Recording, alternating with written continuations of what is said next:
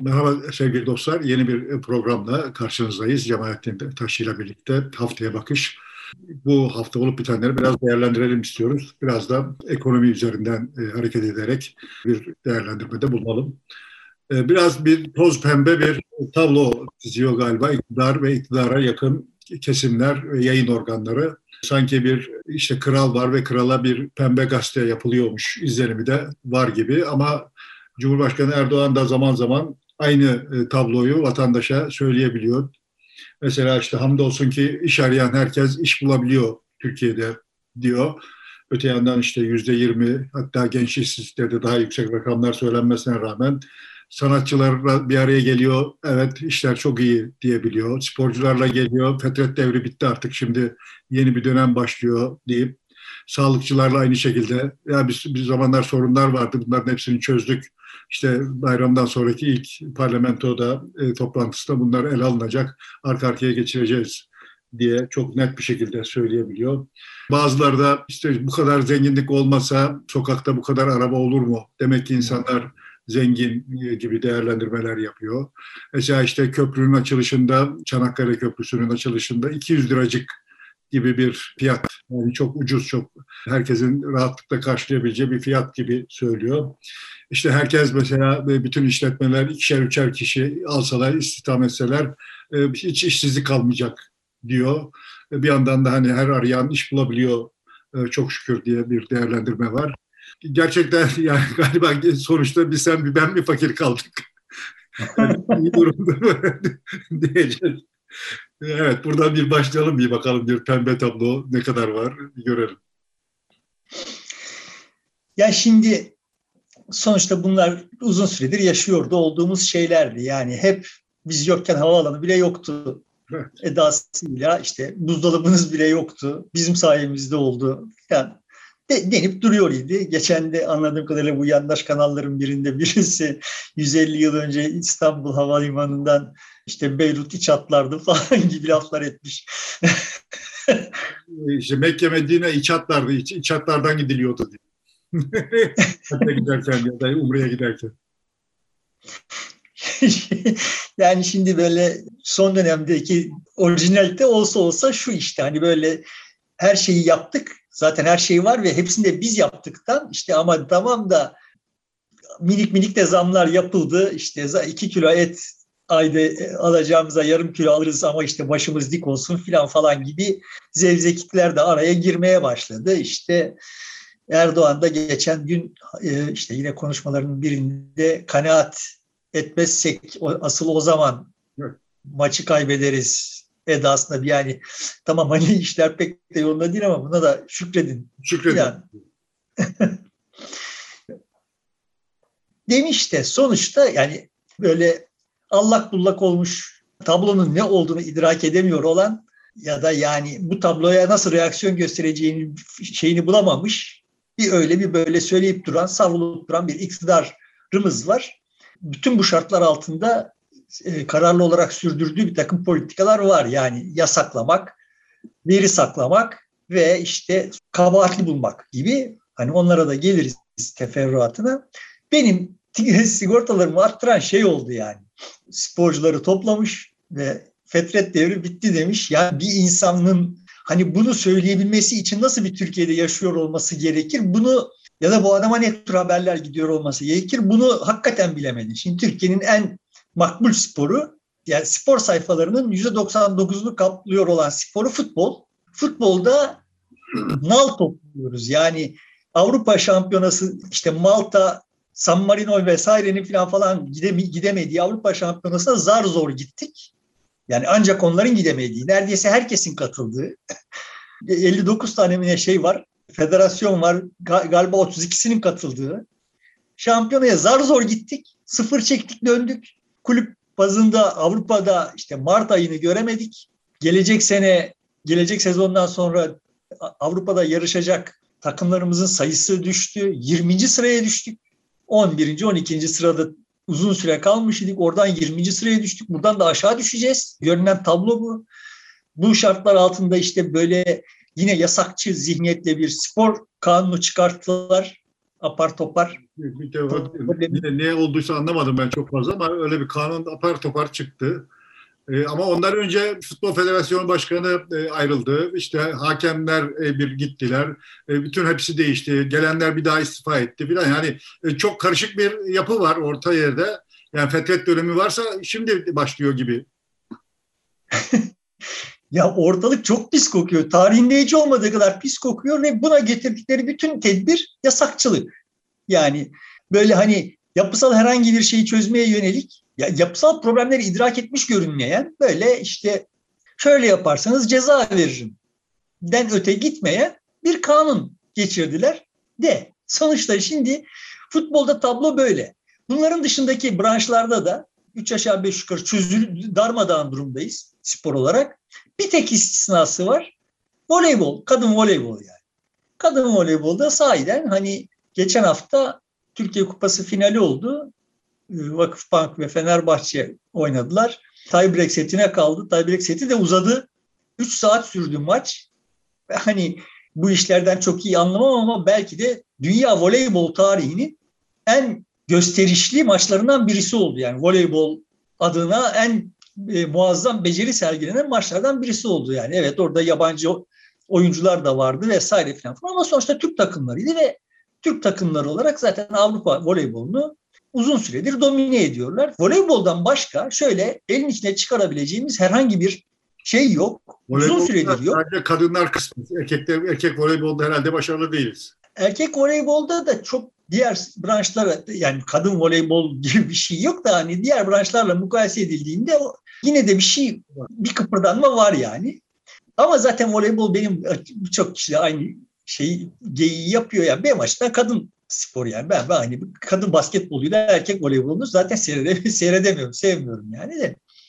Bunlar bahsi diğer. Asıl derdim şu, benim şu yani. Biz futbol sporda dibe vurmuşuz ve adam yüzümüze baka baka diyor ki kardeşim bak biz fetret devrini geçtik işte her şey yolunda.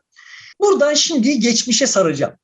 Geçmişte bu Türkiye Cumhuriyeti vatandaşlarının yani Türkiye'nin hikayesini konuşurken de defalarca söylemek durumunda kaldım. Türkiye Cumhuriyeti vatandaşları iddialı insanlardır.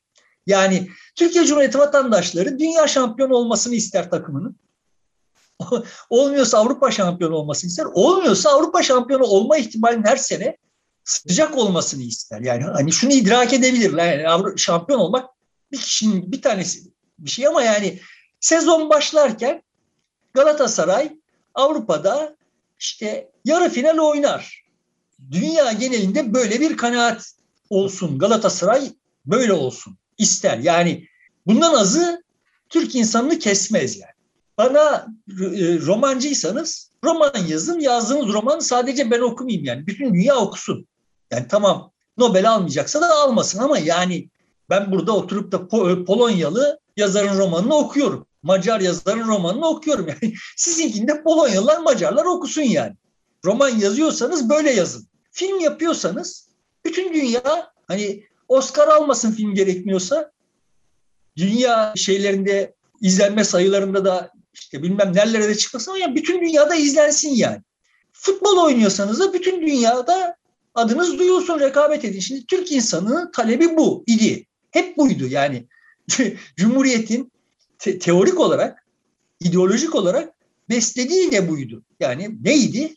Bak biz bu Avrupalıların şamar olanıydık ama işte şimdi şapka giyeceğiz, pantolon giyeceğiz, oyunu kurallarıyla oynayacağız ve Avrupalılarla rekabet edeceğiz yani. İdi. Sonra bir, bir tarih geldi ve bizim futbol oynayanlarımız bize dönüp ne diyorsunuz lan siz? Sizin bu toplumdan öyle uluslararası sporcu, futbolcu çıkar mı? Çıkmaz. Bu toplumdan uluslararası romancı çıkar mı? Çıkmaz. Bu toplumdan uluslararası ressam çıkar mı? Çıkmaz. Yani kabahat sizde. Ya kardeşim yani bunu olacak da olan sizdiniz. Olamayan sizsiniz. Yani şimdi toplum nereden girdi bu işin içine ve oradan itibaren ip koptu. Oradan itibaren biz şimdi içimizde kalmış olan evet böyle dünya bize saygı duysun. Yani İtalyan milli takımı karşısında Türk milli takımını gördüğü zaman şimdiki Türk milli takımı karşısında İtalyan milli takımını gördüğünde ne hissediyorsa onu hissetsin.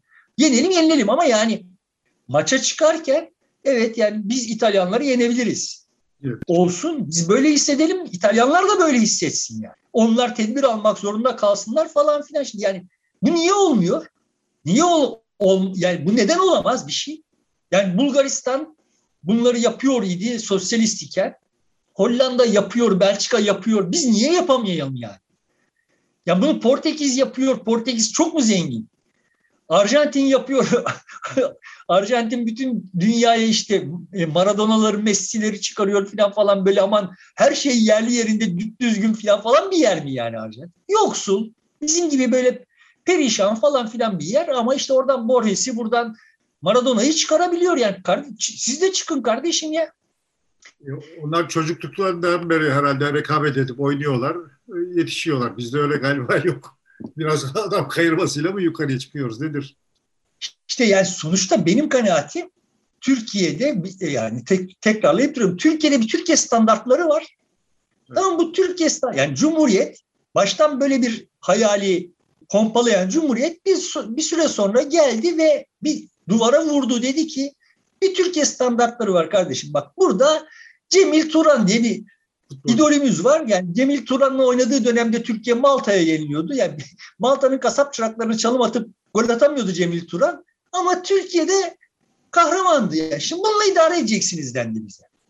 Yani sizin sizin müstahakınız bu. Yani siz öyle bir toplumsunuz ki sizin müstahakınız bu. Şimdi benim seçkinlerle toplum arasında toplumun tarafında kalmamı sağlayan şey budur. Olan bunlar üstlerine düşeni yapamıyorlar. Yani bunlar sanayici oluyorlar, ihraç edilecek mal yapamıyorlar. Futbolcu oluyorlar, uluslararası rekabeti de yapamıyorlar. Romancı oluyorlar, bizden başka kimsenin okuduğu bir, okuyacağı bir şey, merak edeceği bir, zevk alacağı bir şey yazamıyorlar.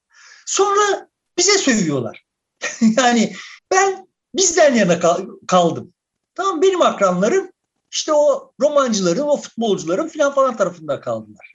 Benim açımdan, benim şahsi hikayem budur. Şimdi buna itiraz ediyor olanların yani işte şöyle biz bu duruma düştük çünkü işte böyle oradan e, Yahudiler, buradan Siyonistler, şuradan işbirlikçileri, o burada işte monşerler filan falan bizi bu duruma getirdiler. Aslında bizde yüksek potansiyel var. Biz her bir şeyi becerebilecek bir milletiz ama işte böyle tufaya getirildik. E, yerli işbirlikçiler tarafından da e, hadım edildik. O yüzden yapamıyoruz. Ama bunlardan kurtulduğumuzda alnı secde gören iktidara geldiğinde aha bütün bunların hepsini becereceğiz. Bizde bu potansiyel var diyenler şimdi 20 yıl sonra geldikleri nokta bizim sporda yapabileceğimiz iş budur. Buna kanaat edin. Ekonomide yapabileceğimiz iş budur. Buna kanaat edin noktasına geldiler yani. yani biz döndük dolandık uzun labirentlerden geçtik. Geldiğimiz nokta aynı nokta. Ya bunu yapacaktıysa niye bu kadar tantana yaptı? Senden öncekiler de yapıyordu bunu. Ya, yani böyle bir yıl gürültü kopardın, bize bir yıl asrın lideri hikayeleri anlattırdın vesaire filan falan ve geldiğimiz nokta sen, senden önceki nokta. Orada da yani senden öncekiler bunu yapıyorlarken hiç kimse bizi dövmeden yapıyorlar. Sadece sövüyorlardı yani. Şimdi sen üstelik bir de bizi dövüyorsun. Bir yıl yasak var. Bir yıl absürt düşman icat ediyorsun. Sonra çıkıyorsun bize diyorsun ki işte yani iki kilo et yemeyin kardeşim ya yarım kilo et yiyin. Kanaat edin. Kanaatimizi kaybedersek zaten her şeyi kaybetmiş oluruz. Ya kanaat edecek değilsek seni yani seni niye seçelim biz kanaat edecek? Biz zaten kanaatkar kanaatkar gidiyorduk. Yani senin bütün gençliğin hatırla ya yani işte üniversitede bir şey itiraz ettiğin zaman kardeşim yani mülkiyenin standardı bu yani. Türkiye'nin standardı bu. Öyle değil miydi? Ya biz yoksul, geri kalmış, geri bıraktırılmış bir ülkeyiz ve işte şartlarımız bunlar. Ancak bu mümkün yani. Ha buna katlanacaksın. Buradan Harvard bekleme. Ne adam dedi ya Urfa'da Oxford, Oxford vardı okumadık mı diye. Yani. Sonuçta yok yani işte. Olan budur. Yapabildiğimiz budur diye yetişmedik mi? Evet. E şimdi buraya gelecektiysek ne diye iyi kötü bu memlekette bir bir fonksiyon üstleniyordu olan dini, İslam'ı bu hale getirdin, perişan ettin. Ne diye işte bu milleti böyle iki, o karpuz gibi ortadan ikiye ayırdın vesaire. Biz zaten bu o şartlarda yaşıyorduk. Bunda, bu şey şartlarda yaşamadığımız bir tek dönem oldu Türkiye'de. O da 83-87 arası. Özal ya kardeşim boş verin Türkiye standartlarını biz uluslararası standartlarla rekabet edeceğiz dedi. Yanlışlarını tekrar tekrar bunları söylemek zorunda hissediyorum kendimi. Orada bir yığın yanlış yaptı adam. Başka kardeşim bütün bu tarih boyunca Türkiye standartları diye bir şey olmadığını, Türkiye'nin insanının da uluslararası standartlar hak ediyor olduğunu, yani uluslararası standartta muz, uluslararası standartta dondurma, uluslararası standartta buzdolabı, uluslararası standartta roman hak ediyor olduğunu ve bunu yapabileceğini gösteriyorsunuz. Ha, yapabileceğini söyleyen, başardı başaramadığı ayrı hikaye. Ama yani bizim üstümüze kabus gibi çökmüş. Yani ya bizden olsa olsa bu olur. Zihniyetini kıran ya, ya da buna meydan okuyan bir adam bir tek o vardı. Bunun başarıp başaramadığını konuşmuyorum. Bu başarılar yani bence başarıldı orada. Çok şey başarıldı. O zihniyetin kırılması mühim bir şeydir yani. Evet. Ama yani tekrar oradan geri dönüp de bizi buraya getirecektiyse e ben de yapardım onu. Yani daha fazlasını bir daha iyi, daha ucuza yapardım. Ya bu kadar yüksek bedel ödeyip ortada geldiğimiz nokta aha şimdi bu durum Türk sporunda fetret devrinin sonuymuş. Beyzade'nin buyurduğu laf bu yani.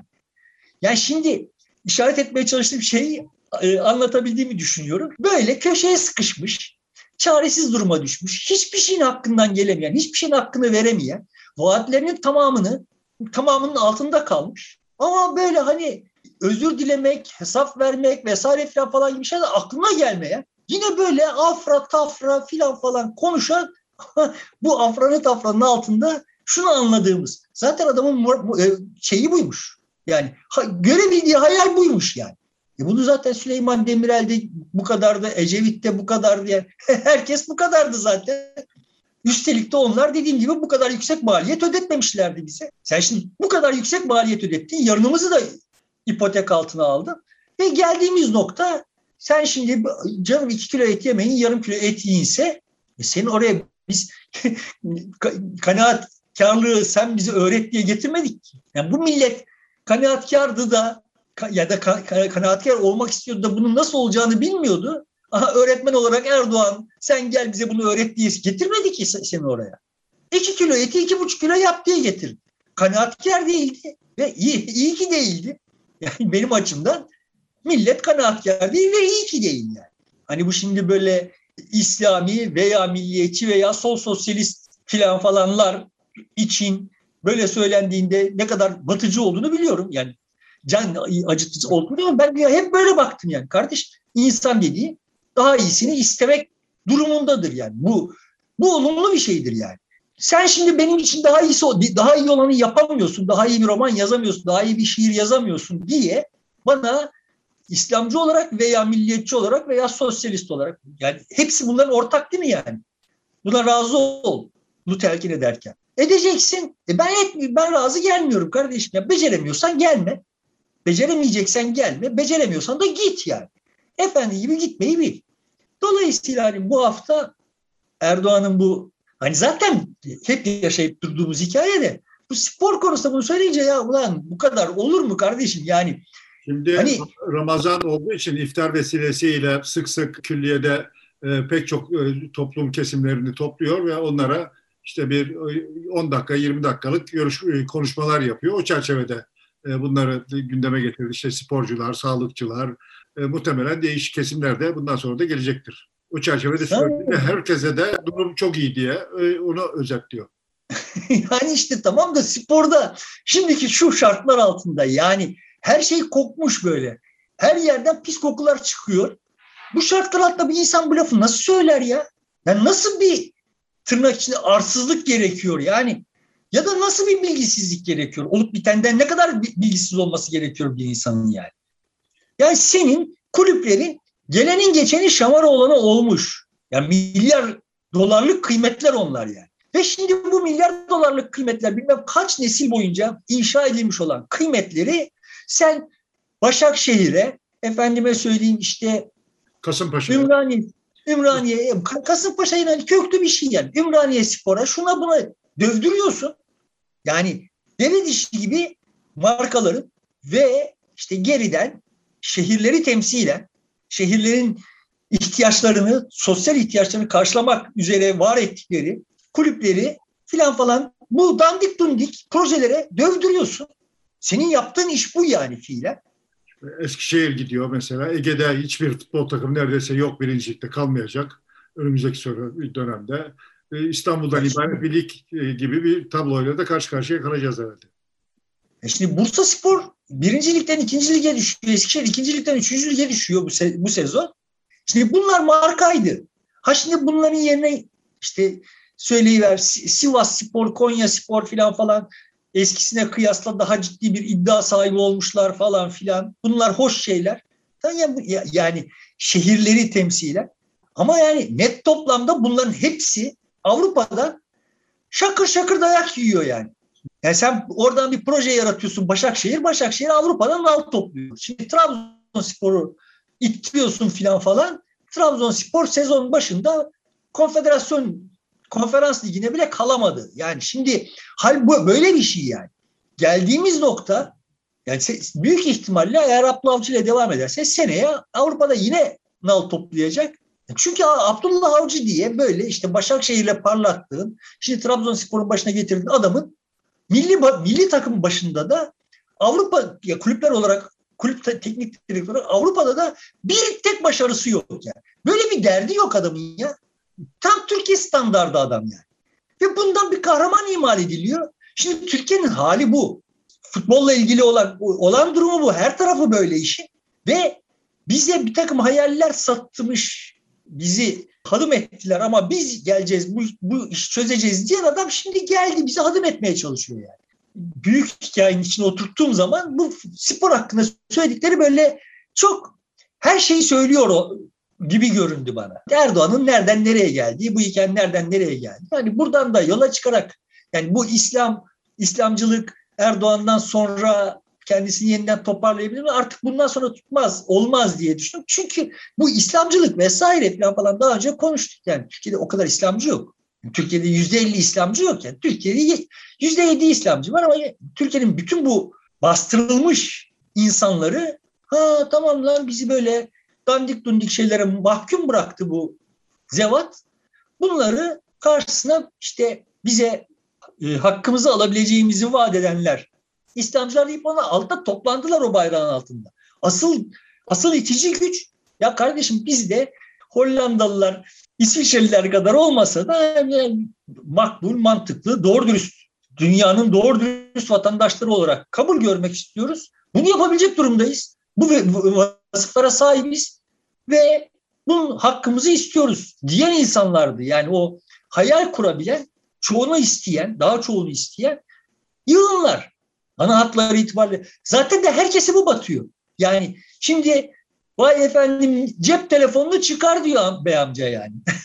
tamam Yani benim o cep telefonuna sahip olmamam gerektiği vehmi var arka planda yani. Yani Hadi, eğer Hollandalı... Biri diyor sen cep telefonunda ne işin var diyor. Aynen. Herkes bize bir had bildirme te- telaşında yani. Normalde halbuki bu hikaye tam da haddini bilmemek üzerinden çıkmıştı. Şimdi bize diyor ki adam böyle yani çok gönlü geniş geniş rahat rahat yani. Fetret devri bitti. Ne fetret devri bitti ya. Biz hayatımızda bu kadar dip görmedik kardeş. Yani gördük 70'lerde bu kadar dip gördük. Ben hani Malta'nın bizi yendiğini seyrettim falan yani futbolda. Zaten olimpiyatlarda bir tek madalya alamadığımız dönemler oldu falan. Şimdi bu spor mevzu mevzu başka bir şey daha tetikledi. Şimdi son tahlilde bir tarafta evet böyle madalyalar, şampiyonluklar, şunlar bunlar var. Öteki tarafında ama spor başka bir mana daha taşıyor. Şimdi bana desen ki milli gelir toplumların gelişmişlik düzeyleri açısından çok da e, şık bir gösterge değil.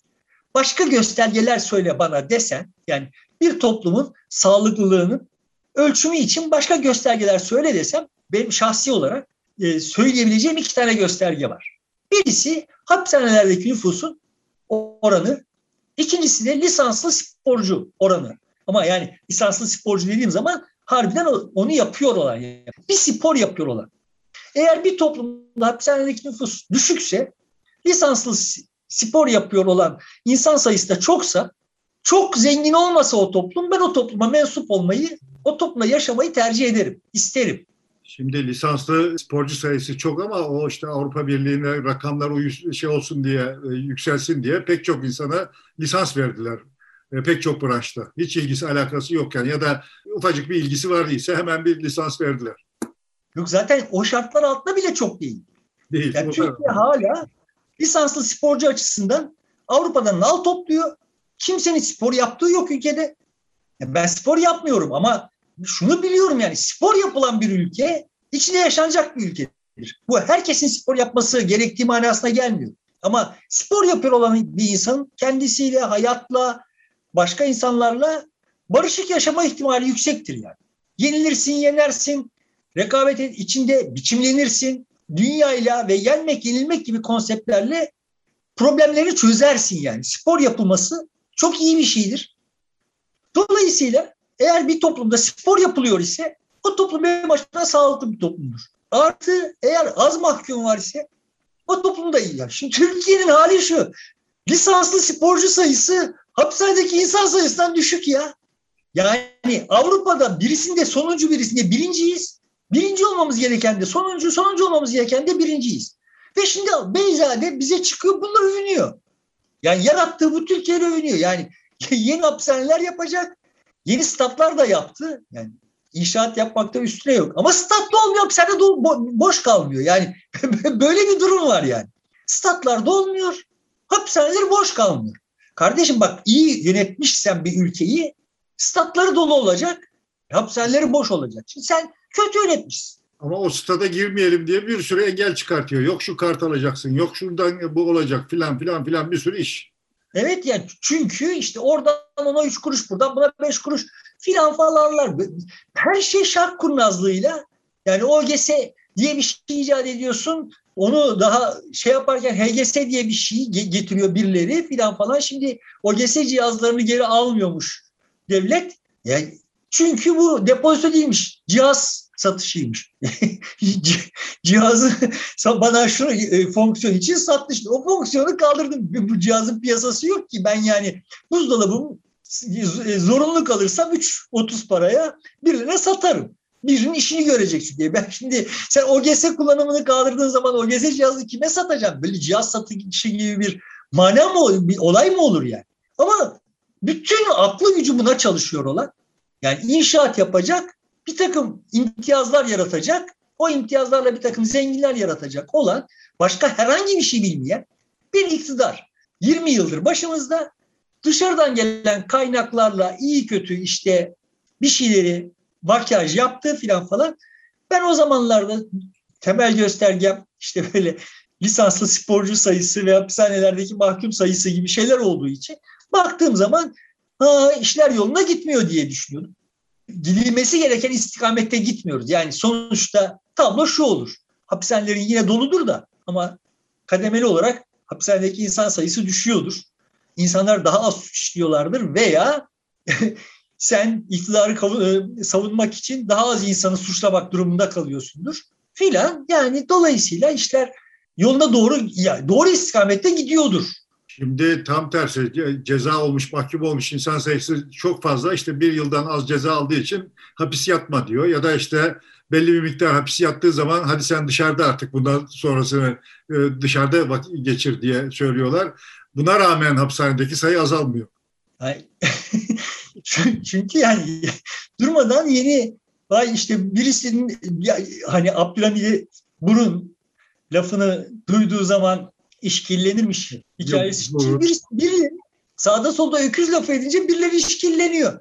ya savcılar falan bu ya siz bu tür şeylerle insanları içeri atarak ne demiş oluyorsunuz kardeşim? Ya ben şimdi Erdoğan olsam ya hani şey anlatılır ya Stalin döneminde Moskova sokaklarında bir sarhoş kahrolsun diktatör diye bağırıyormuş polis bunu yakalamış Stalin huzuruna götürmüş Stalin demiş yoldaş sen kahrolsun diktatör derken kime bağırıyorsun?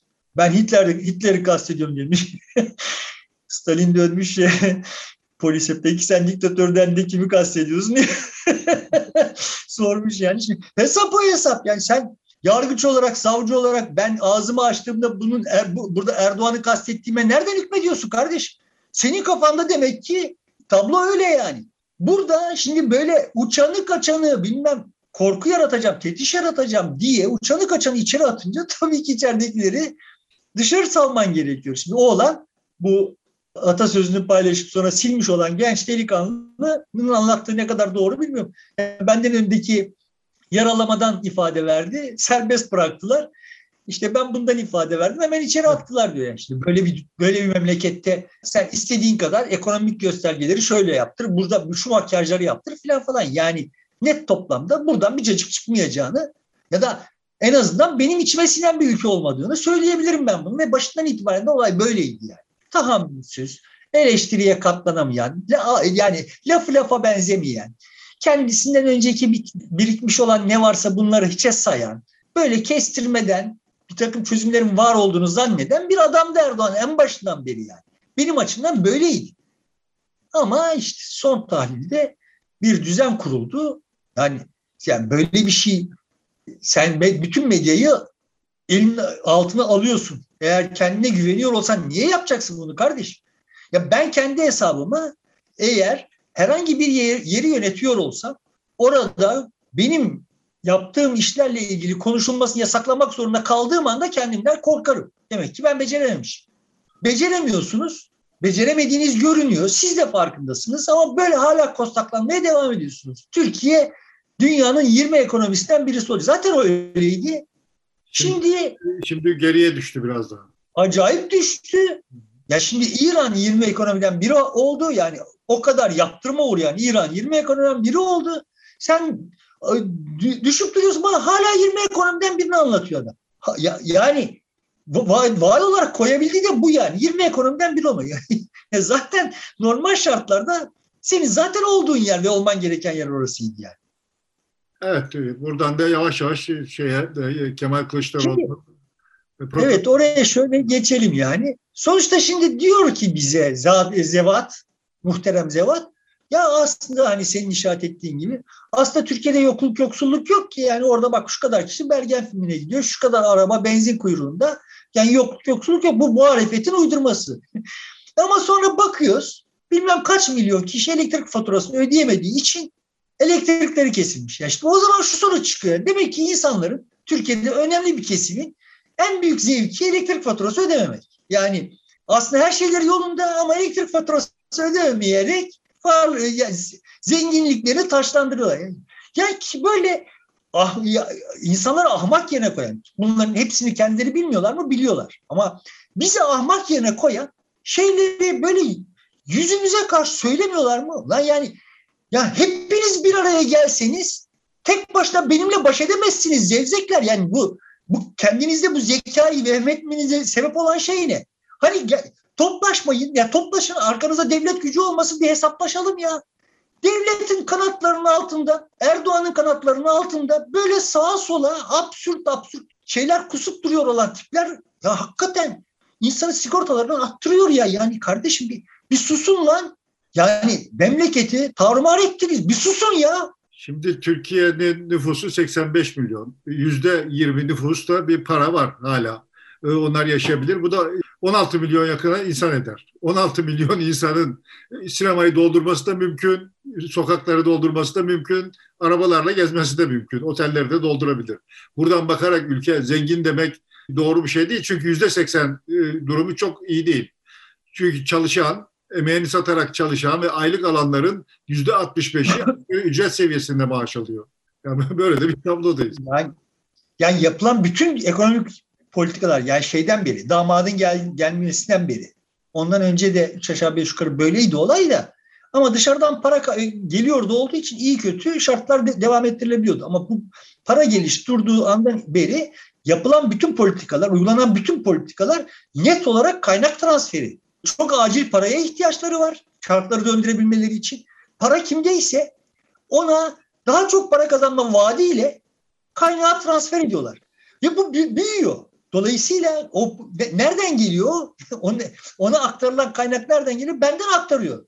Yani e, eriyen döviz rezervleri vesaireler filan falan benim üzerimden sürdürülmeye çalışılıyor yani. Senin benim üzerimden. Dolayısıyla evet orada yüzde yirmi falan değil yani. Bir, yüzde bir var. Ona durmadan kaynak aktarılıyor. Ya bir, bir milyon kişi var. Kardeşim o bir milyon kişi işte yanındaki yamacı, yamacındaki 3-5 kişiyle 5-6 milyon kişi evet Türkiye'de bey gibi yaşıyor. Yani şimdi ev fiyatlarını onlar fırlatıyor konut fiyatlarını vesaire vesaire. Sonuçta bu kaynak transferi sür, artarak sürüyor. Daha da artarak sürecek. Sonra bize gelinip işte böyle abuk sabuk laflar ediliyor. Şimdi Kılıçdaroğlu'nun bu faturamı ödemeyeceğim hikayesi çıktığında seninle konuşmuştuk ya yani ikimiz de şeyde mutabıktık hatırladığım kadarıyla. Yani şık bir muhalefet. Burada benim anlamadığım şey şu oldu. Yani Kılıçdaroğlu'nun elektriğinin kesilmesinin bir biçimde önce şimdi Kılıçdaroğlu'na eleştirmeden geçemeyeceğim yine yani. Bir, bir, ana hatları itibariyle olay şık. Bunun şıklığı üzerinden falan falan konuşacağım. Doğru iş yapıldığını falan falan söyleyeceğim de yine de önce bir espriyle başlayayım. Yani bir elektrik faturasını ödemeyen adamdan memlekete hayır gelir mi? Ya? Memleket ona emanet edilir mi? diye, şimdi ben bekliyorum şeylerden, e, yandaş basından bir şeyler de. Kardeşim bak çıkmışsın elektrik faturanı ödemeyeceğini ilan ettin. Sonra da olay bunun sonucunda gerçekleşti ve elektriğin kesildi. Ya çıktın bir program yaptın çok güzel. Ya beş kere, on kere ben, aslında ödeyebilirim ama demenin manası ne ya? ya biliyoruz sen bunu ödeyebilirsin yani. Biliyoruz yani. Yani niye bunu tekrar tekrar söyleyip duruyorsun? Bunun arkasına yatıyor olan şey eğer benim demin söylediğim türden bir espri hazırlıksa he yani bırak yapsınlar öyle bir espri. Sen bunu böyle buradan senin üstüne bir beceriksizlik yapışacak diye korkuyorsan zaten siyaset yapmaya. Ya bu millete bu kadar güvensizlik. Yani millet buradan senin paran olmadığı yani bir elektrik faturasını bile ödeyecek paran olmadığı gibi bir zihaba kapılacak diye düşünmene sebep olacak kadar millete güvenmiyor ise ya zaten yapma siyaseti ya. Millet senin yapmak istediğini pekala anladı. Ya nasıl nasıl böyle bir huzursuz oldum adam her söylediğinde. Benim ödeyecek param var. E var yani benim yok. Ne yapacağız şimdi? yani benim elektriklerimi kesebilirler ve faturamı ödeyemeyebilirim yani. Ya yani ne söylemek istiyorsun bununla? Benim param var, benim param var demek de ne söylemek istiyorsun? Niye bu kadar tekrarladın yani? Sonra akabinde bir şey olmuş, tekrar aynı şeyleri söylemiş. Bu eleştirilerim saklı kalmak kaydıyla. Yani şeyi anlamadım. Ya ben olsam iktidarın yerine kesmem Kılıçdaroğlu'nun elektriği. E, tabii yani kesmemesi lazım. E, zannediyorum ki pek çok sanayicide ya da bazı yerlerde elektriklerin faturaları ödenmemiştir ve onlar idare edilmiştir. E, alınmamıştır e, bir takım talimatlarla. Böyle çok örnek bulunabilir dönüp bakıldığında. Şimdi Kılıçdaroğlu gibi bir e, ana muhalefet lideri ve için yaptığı belli olan bir isim ve aslında e, kamuoyunu da harekete geçmeye çağırmadı. Bir anlamda da kamuoyundaki öfkeyi e, yumuşattı. E, öyle de denebilir. Bunun elektriğini kesmek yerine kamuoyuna açıklama yapıp evet bizim kurallarımıza göre kesmemiz gerekiyor ama biz kesmeyeceğiz. Onun bu eylemin için yaptığının farkındayız. Saygı duyuyoruz deyip kesseler bambaşka bir tablo çıkardı. Ama belli ki onların üzerinde de kesmesi yönünde bir baskı oluşmuş olabilir. Siyaseten bana çok e, akıllıca bir şeymiş gibi, iktidar evet. açısından bakımda akıllıca bir şeymiş gibi gelmedi. Buradan e, ağır hasar görmüş olmaları ihtimal çok yüksek. Yani sonuçta ağırlıklı bir bölümü AKP'ye oy veriyordu olan ve şu anda elektrikleri kesilmiş olan bir nüfus vardır ve bu nüfus buradan bir duygudaşlık çıkarır. Artı senin sözünü ettiğin türden böyle işte esnafın da bir eczanenin işte bir aylık elektrik faturası 4 milyon lira falan falan gelmeye başladı. Yani sanayicinin ve işte iyi kötü bir ticari faaliyet gösterenlerin de yani. Dolayısıyla oradan da bir duygudaşlık ortaya çıktı çıkmıştır şimdi şu olayla. yani Kılıçdaroğlu'na çok rahat top çevirme imkanı sağlandı ve evet Kılıçdaroğlu da burada iyi top çevirdi. Zaten o hamle iyi bir hamleydi. Yani elektrik faturamı ödemiyorum. Hamlesi iyi bir hamleydi. Akabinde şimdi bu elektrik kesilmesi Kılıçdaroğlu'nun elini güçlendirdi.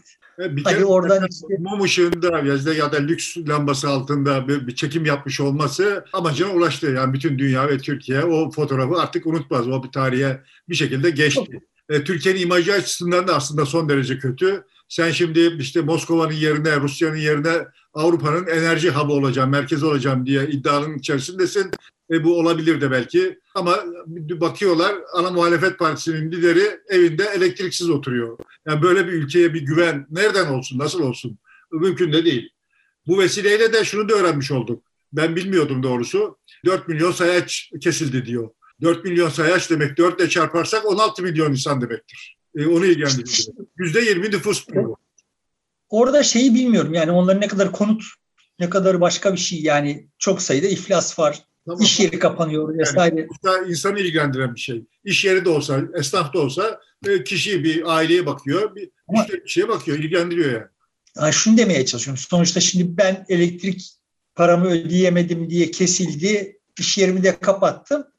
Ama orada açılan başka bir iş yeri olabilir ve orada yeniden elektrik olabilir filan. Yani bu istatistik neye tekabül ediyor bunu bilmiyorum. Ama burada asıl zaten üzerinde tepinilmesi gerekiyor olan bir şey var. Kılıçdaroğlu'nun söylediklerinde ona değinip ondan sonra asıl vurgulanması gerektiğini düşündüğüm yere geçeyim. Kılıçdaroğlu bana öyle geldi ki o e, lüks ışığında yaptığı ve senin de işaret ettiğin gibi tarihe kalacak. Yani 21. yüzyılın ilk çeyreği hakkında ileride Türkiye'nin bir geleceği olacaksa 21. yüzyılın ilk çeyreği hakkında yayınlanacak 10 tane fotoğraf varsa bir tanesi o fotoğraf olacak. Yani bu iktidar açısından gerçekten çok fahiş bir şey yani. Çok büyük bir hata.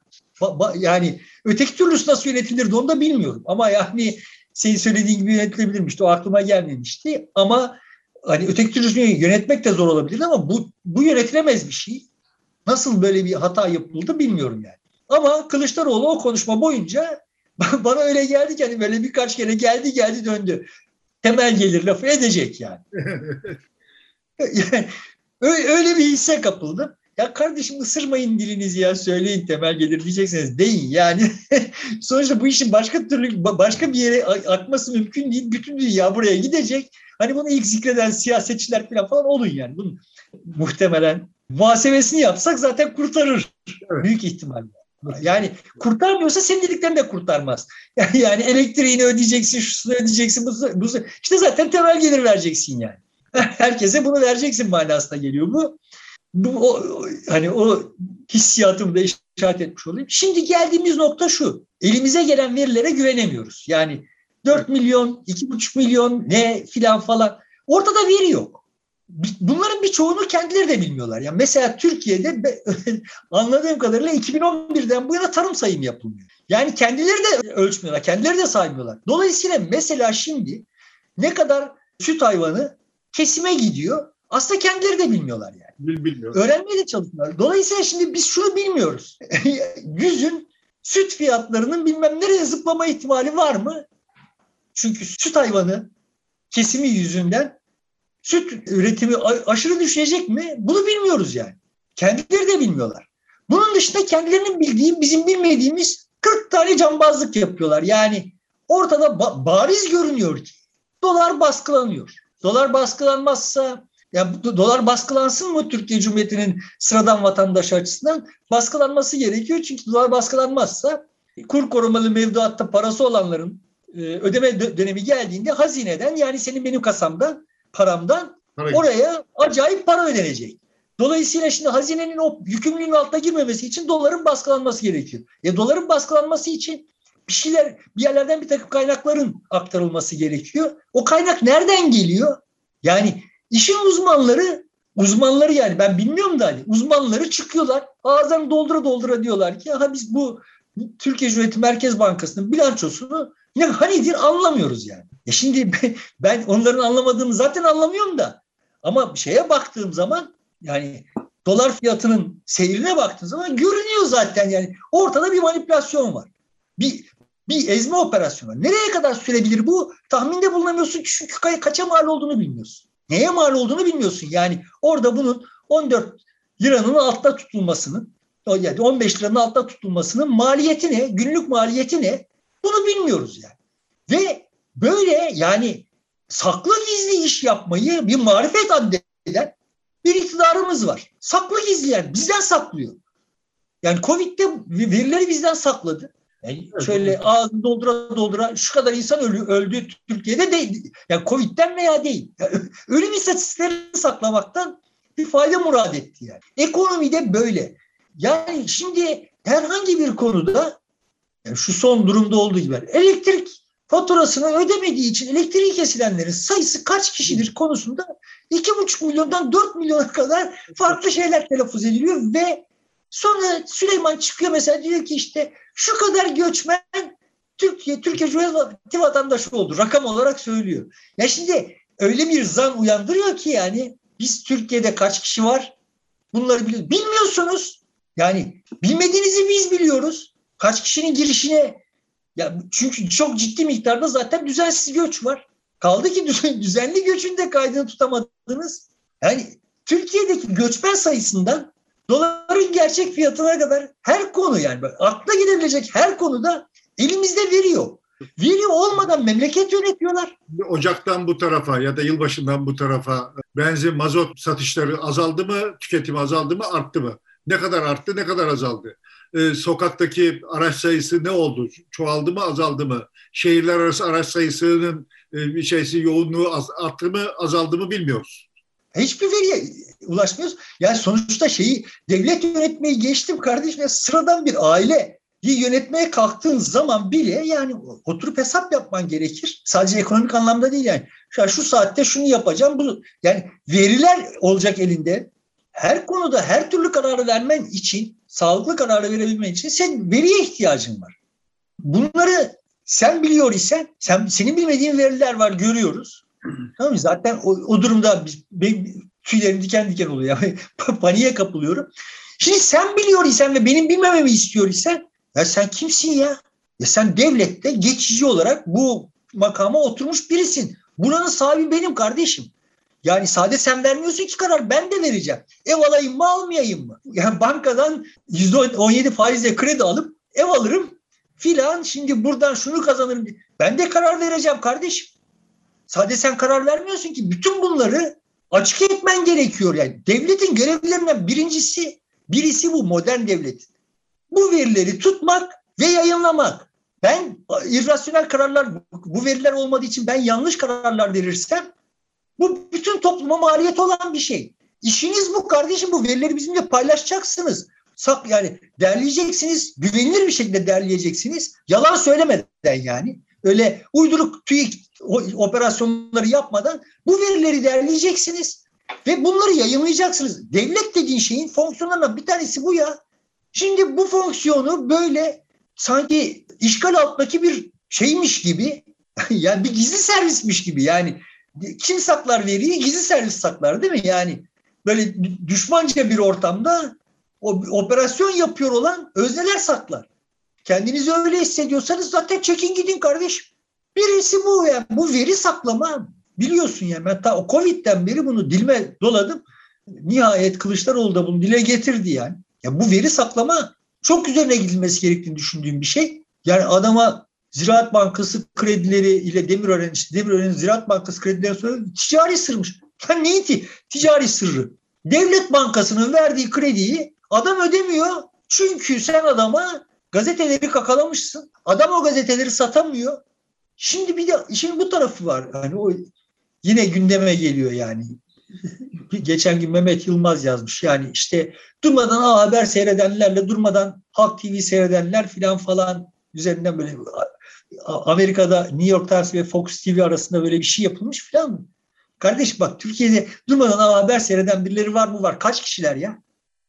Kaç bin kişiler yani? Kaç yüz bin kişiler yani? Milyon yoklar. Türkiye'de durmadan Halk TV seyredenler var. Kaç kişiler? Bir milyon yoklar yani. Ya bak Türkiye'de medya öldü. Bu Demirören hürriyeti aldı.